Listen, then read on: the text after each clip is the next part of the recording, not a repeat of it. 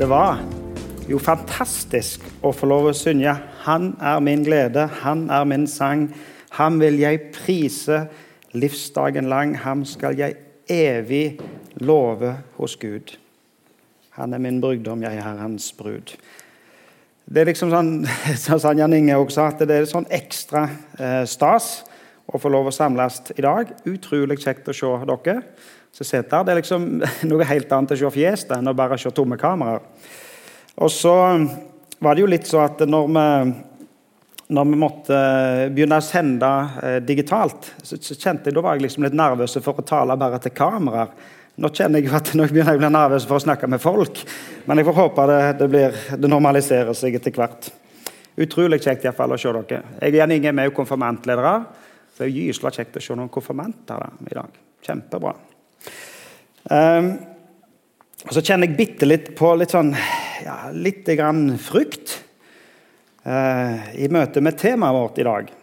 For temaet vårt heter 'Jesus i møte med frykt'. Og jeg er ingen Hva skal du si? Jeg, er ingen, jeg, vil, jeg tenker iallfall ikke om meg sjøl at jeg er en ekspert uh, på temaet. Og det er litt krevende å snakke om. For jeg kjenner at det, hvordan skal jeg formidle det temaet om Jesus i møte med frykt? Men det er heldigvis ikke Lars i møte med frykt, men det er Jesus i møte med frykt. Vi skal lese fra Johannes kapittel 20.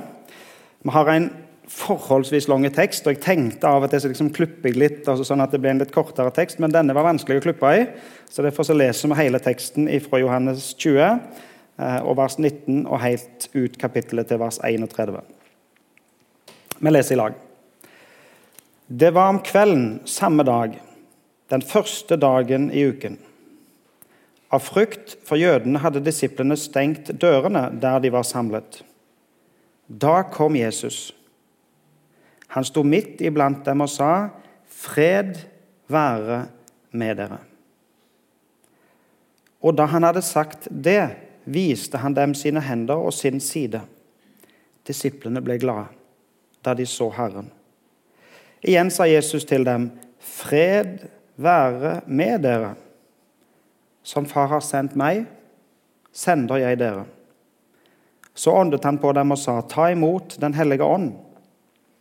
Dersom dere tilgir noen syndene deres, da er de tilgitt. Dersom dere fastholder syndene for noen, er de fastholdt. Thomas, en av de tolv, han som ble kalt Tvillingen, var ikke sammen med de andre disiplene da Jesus kom. 'Vi har sett Herren', sa de til ham. Men han sa, 'Dersom jeg ikke får se naglemerken i hendene hans og får legge fing fing fingeren i dem og stikke hånden i siden hans, kan jeg ikke tro.' Åtte dager senere var disiplene igjen samlet, og Thomas var sammen med dem. Da kom Jesus, mens dørene var lukket. Han sto midt iblant dem og sa, 'Fred være med dere'. Så sier han til Thomas, 'Kom med fingeren din. Se, her er hendene mine. Kom med hånden din og stikk den i siden min, og vær ikke vantro, men troende.'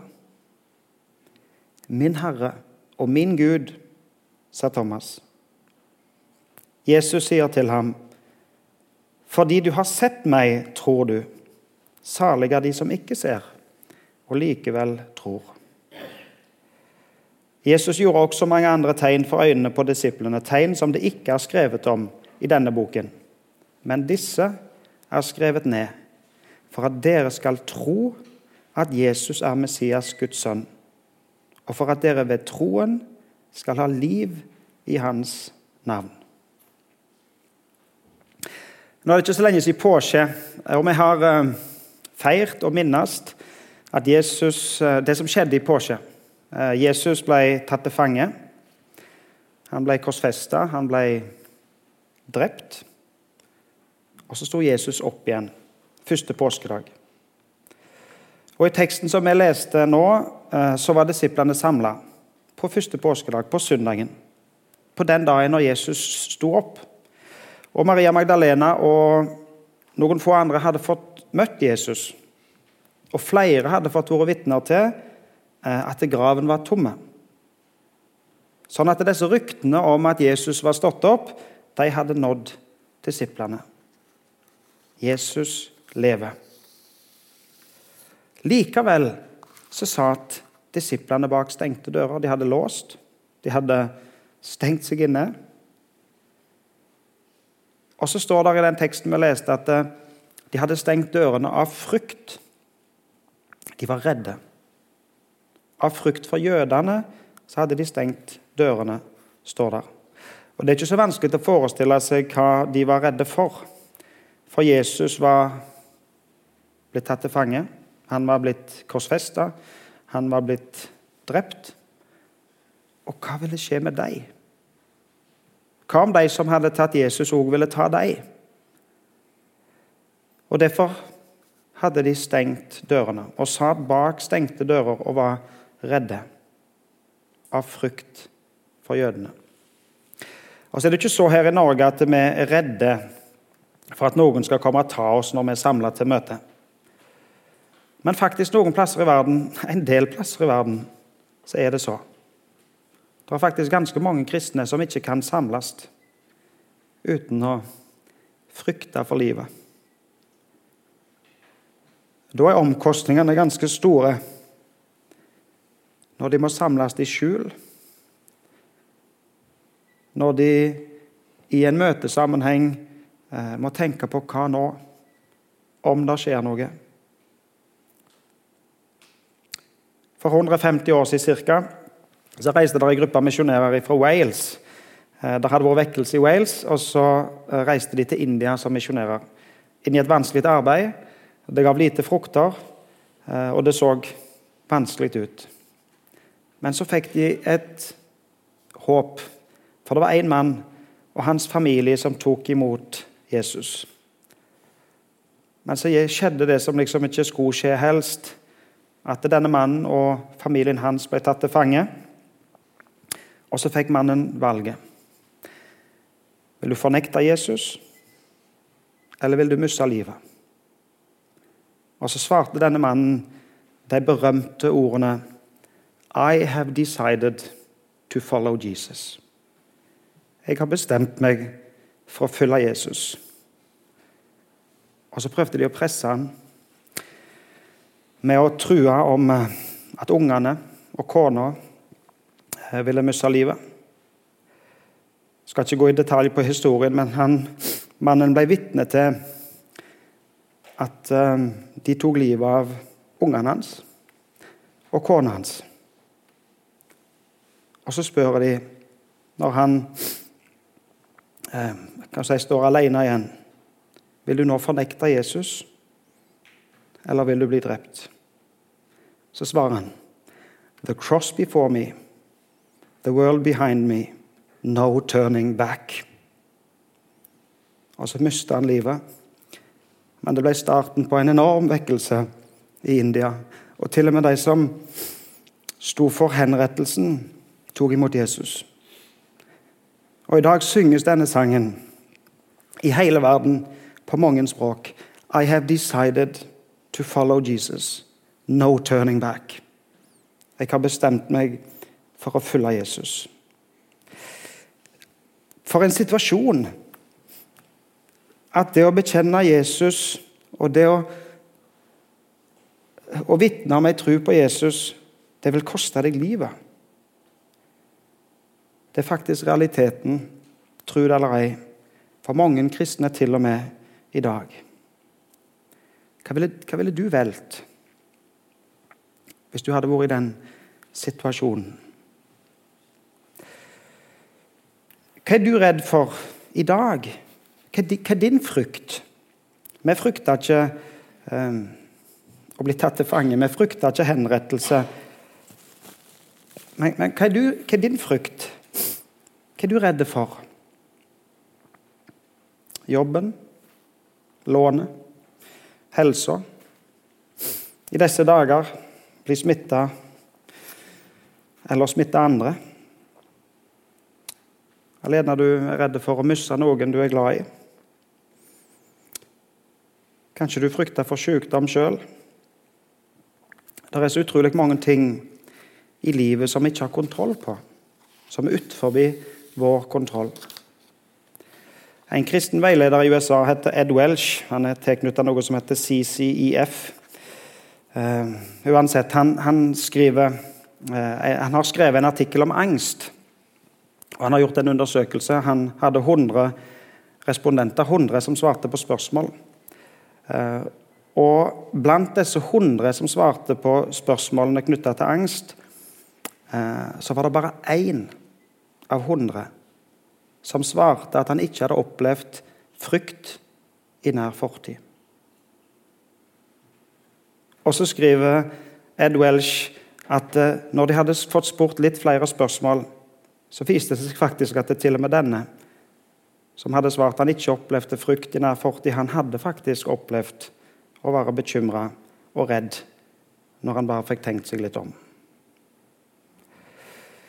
Vi kan oppleve frykt eller angst på så mange måter. Det kan gi seg utslag på, på forskjellige måter. Vi håndterer det så forskjellig. Og vi kan oppleve frykt og angst av så mange grunner. Det kan være en konkret fare, en situasjon, som vi er i og havner i på en måte akkurat nå, og så, og så blir vi redde. Eller det kan være frykt for ting som kan skje i framtida tenke på hva man tror. Hva hvis det skjer? Det kan være rasjonelt og reelt, eller det kan være irrasjonelt. Det kan være, være stor sannsynlighet for at det inntreffer, eller det kan være liten sannsynlighet. Og egentlig så burde vi gjerne ikke vært redde. Men frykten oppleves likevel.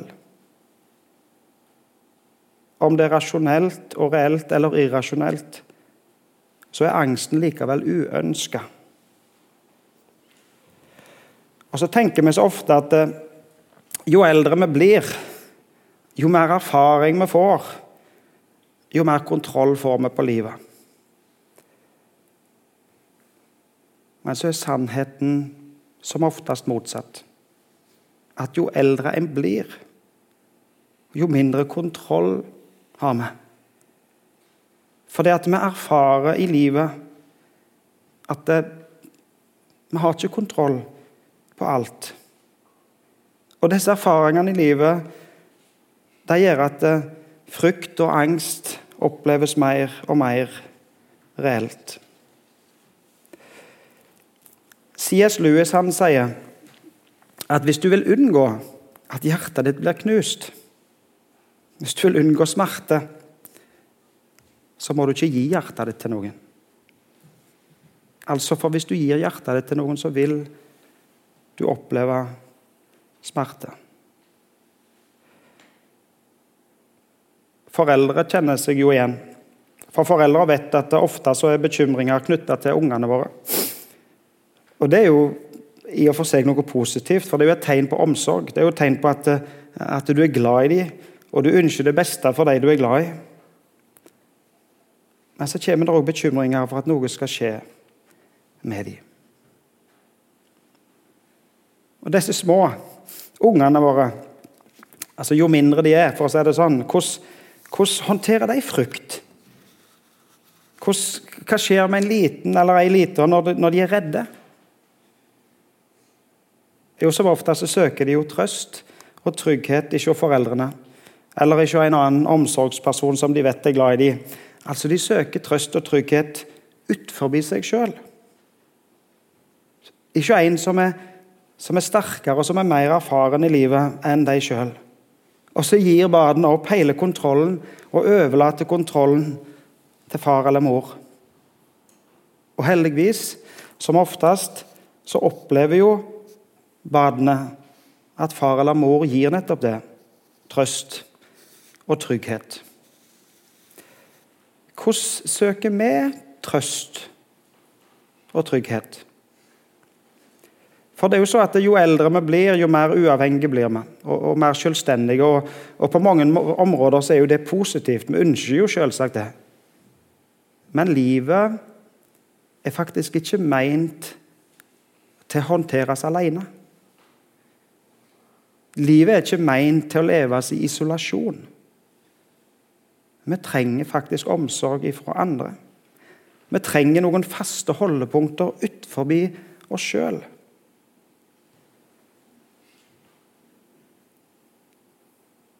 Og så er livet dessverre så sårbart at vi til og med vil oppleve at faste holdepunkter svikter. Og så viser livet oss det at eh, de som en gang var små og ble tatt hånd om av sine foreldre, de blir voksne. Og så går livet i den retning at de som en gang ble tatt hånd om av sine foreldre, nå må ta hånd om sine foreldre. På en måte andre veien.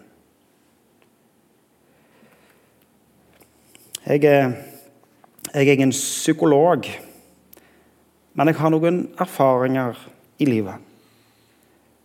Og jeg har i alle fall erfart i livet at det å ha noen å snakke med når ting en frykter, inntreffer, det å ha noen å dele smerten med, det å slippe å bære på alt sjøl, det å få lov å be i sammen med noen, det å få lov å kjenne på omsorg, det betyr en enorm forskjell. Og så hadde jeg så lyst til å si det til deg i dag. Sørg for å ha noen å snakke med. Sørg for å ha noen å be i lag med. Sørg for å ha noen som du kan dele vanskelige ting med, selvsagt òg gleder. Men når det vanskelige, uforutsette som du frykter, inntreffer, så sørg for å ha noen å snakke med. Og så har jeg òg lyst til å si hvis du trenger noen å snakke med, så ta kontakt. Her i vår forsamling så har vi en forbønns- og veiledningstjeneste og du er velkommen til å ta kontakt. For når livet oppleves uoversiktlig og hjertet fylles av angst og uro, så er det godt å slippe å bære alt alene. Fins det noe fast? Fins det noe utenfor oss sjøl som vi kan søke trygghet i? Fins det noe urokkelig? Fins det en omsorgsperson som du trygt kan komme til? Som du kan legge hele livet ditt i hendene på. Jesus han møter sine redde venner, de som av frykt hadde stengt dørene. Og Når han kommer til sine venner, så er budskapet hans til dem fred være med dere. Fred. I løpet av sju korte vers i den teksten som vi leser, så sier Jesus 'fred være med dere' tre ganger. Fred være med dere. Og du kan lese mange mange andre plasser i Bibelen om Guds budskap, om Jesu budskap til deg om, om fred. I Johannes 14, for eksempel, 27, så står det fred Jesus sier, 'Fred etterlater jeg dere. Min fred gir jeg dere.' Ikke den fred som verden gir. La ikke hjertet bli grepet av angst og motløshet. Og Dette fredsbudskapet fra Jesus det gjelder fremdeles, for det gjelder oss her og nå. Og han som faktisk gikk gjennom stengte dører, han når òg inn i våre liv. Altså Han når faktisk til og med inn i våre stengte rom. Inn der som du ikke har åpna for noen andre. Der når Jesus inn. Og Han kjenner deg, og han vet hva du bærer på, og han har omsorg for deg. Og så er det ikke meningen, som jeg sa, at vi skal leve livene våre i isolasjon. Og det er heller ikke meningen at dette budskapet skal isoleres. Det er ikke meningen at vi skal holde dette for oss sjøl. Og når Jesus møter sine venner med dette fredsbudskapet, så sender han dem ut med det samme budskapet. Med budskapet om fred og med budskapet om tilgivelse. Salige er de som skaper fred, sier Jesus i Matteus 5. I denne teksten som jeg har lest nå, så sier han som far har sendt meg, sender jeg dere. Og budskapet som Jesus har til oss, det svekkes ikke, det blir ikke mindre av at vi deler det. Snarere tvert imot. Jesu budskap blir på en måte større. For det er så stort og så mektig at det er mektig nok for alle mennesker. Og han har nåde og tilgivelse og fred til hver eneste en. Derfor er faktisk ditt bidrag viktig. Derfor er det av betydning når du er med å dele dette budskapet med andre. Derfor ber faktisk Jesus ja, Han sender oss faktisk ut med dette budskapet til andre. Til folk du treffer, til folk du kjenner her på Vea eller på Karmøyene eller andre plasser i, i, i området her. Og så sender han oss faktisk ut til hele verden. Og så får vi lov å stå i en sammenheng, selv om vi bor her eh, i en avkrok på Karmøyene, skulle jeg sagt. Men så får vi lov å være med i et stort, stort, stort misjonsarbeid i hele verden. Og så kan det jo oppleves at ja, men mitt bidrag blir jo som en dråpe i havet. Men ditt bidrag er faktisk viktig. For Jesus sjøl har bedt deg og sagt at du må være med. Jeg sender deg. Vi må sørge for at dette budskapet faktisk når enda lenger. Og så får vi heldigvis lov til eh, å være med til ansvar for noe arbeid som skjer på misjonsfeltene ute i verden. Så får vi lov til å ha omsorg for de som er der ute. Være med og be for dem, huske på dem, støtte dem. For Jesus har bedt oss om det. Thomas var ikke i, i det rommet. Han var ikke sammen med de andre når, når Jesus møtte dem. Og så hadde han så vanskelig for å tro. Han klarte ikke å tro at dette var sant. Altså, Vennene hans hadde kommet og fortalt ham med begeistring. De hadde sett Jesus. Og så var de sikkert så begeistra at det på en måte lå utenpå dem. Men Thomas klarte ikke å tro. Så gikk det ei uke, vel ei uke, og så var de samla igjen. Det er ganske interessant egentlig å se at de hadde møtt Jesus. Jesus hadde stått der lys levende i lag med dem. Og så går det vel ei uke, og så er de faktisk fremdeles redde. De låser døra igjen og sitter innelåste på det samme rommet. Og Thomas er med dem. Og så kommer Jesus. Uten anklager. Ofte så tenker vi liksom litt så at jeg, jeg kjenner iallfall litt på det at det, jeg, jeg, får av og til liksom litt dårlig samvittighet. altså Hvis Jesus hadde liksom sittet og, og vurdert mitt liv og hva jeg gjør og, altså, det som på en måte kreves av meg, eller som jeg føler kreves av meg av, av bibellesning og bønn og tjeneste og nestekjærlighet og alt det, som jo selvsagt er flott. altså så Vi, vi ønsker jo eh, å både lese og be og stå i tjeneste og, og være god med hverandre. Men så kjenner jeg på at hvis, hvis Jesus hadde liksom eksaminert mitt liv, så, så hadde det blitt for dårlig.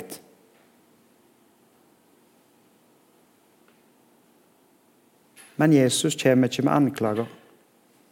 Jesus kommer ikke med reprimande og sier at det er for dårlig. Nei, Jesus han kommer med det samme forløsende budskapet. Fred være med dere. Og så snur han seg faktisk til han som har så vanskelig for å tro. Og så sier han til han Det er meg. Og så strekker han ut hendene sine. Så sier han, 'Se på hendene mine.' De ble nagla til korset. Se såret mitt. Og der ligger freden. I Jesus sine sår. Han ble såra for deg. Han ble knust for deg. Han tok straffen, han gav sitt liv for å gi deg dette budskapet om fred. Fred være med dere.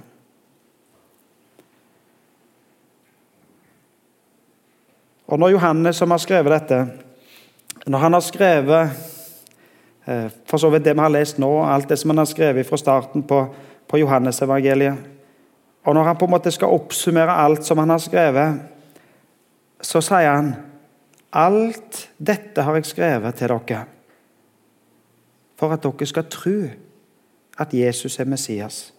At dere skal tro at Jesus er Frelseren, og at dere ved tro kan ha liv i Hans navn. Vers 31. Disse, altså alt det som han har skrevet, disse er skrevet ned for at dere skal tro at Jesus er Messias, Guds sønn, og for at dere ved troen skal ha liv i Hans navn. Og så deler Johannes dette budskapet med oss for at vi skal få del i det samme som Johannes har fått del i. For at vi skal få lov å tro at Jesus er Messias, at han er frelseren, og at vi skal få ha liv i hans navn. Disse er skrevet ned for at dere skal tro at Jesus er Messias, Guds sønn, og for at dere ved troen skal ha liv i hans navn.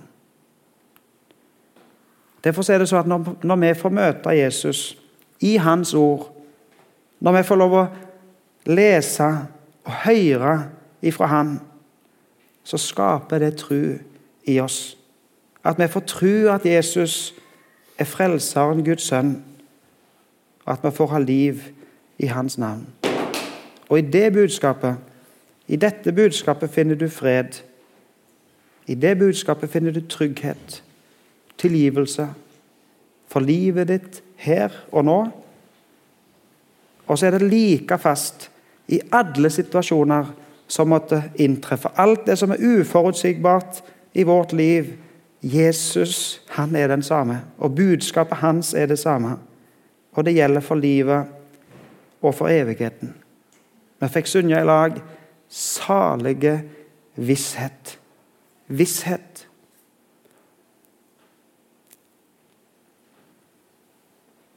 Vi var samla i lag med konfirmantene på fredag. Og konfirmantene på fredag, skulle, En av tingene som vi skulle gjøre på fredag, det var å velge, de skulle velge hvert sitt bibelvers. Og så valgte de mange flotte vers. Jeg kunne jo for så vidt lest opp alle. Men en av de som valgte faktisk to valgte det samme verset, som vi må finne ut, for de kan ikke velge likt, egentlig. Men uansett. Det var to som valgte Hebreabrevet 13,8. Jesus Kristus er i går og i dag den samme, ja, til evig tid. Han forandres ikke, selv om vårt liv forandres. Han er den samme, selv om ting skifter ikke oss. Og alt dette er skrevet ned for at dere skal tro at Jesus er Messias, Guds sønn, og for at dere ved troen skal ha liv i hans navn.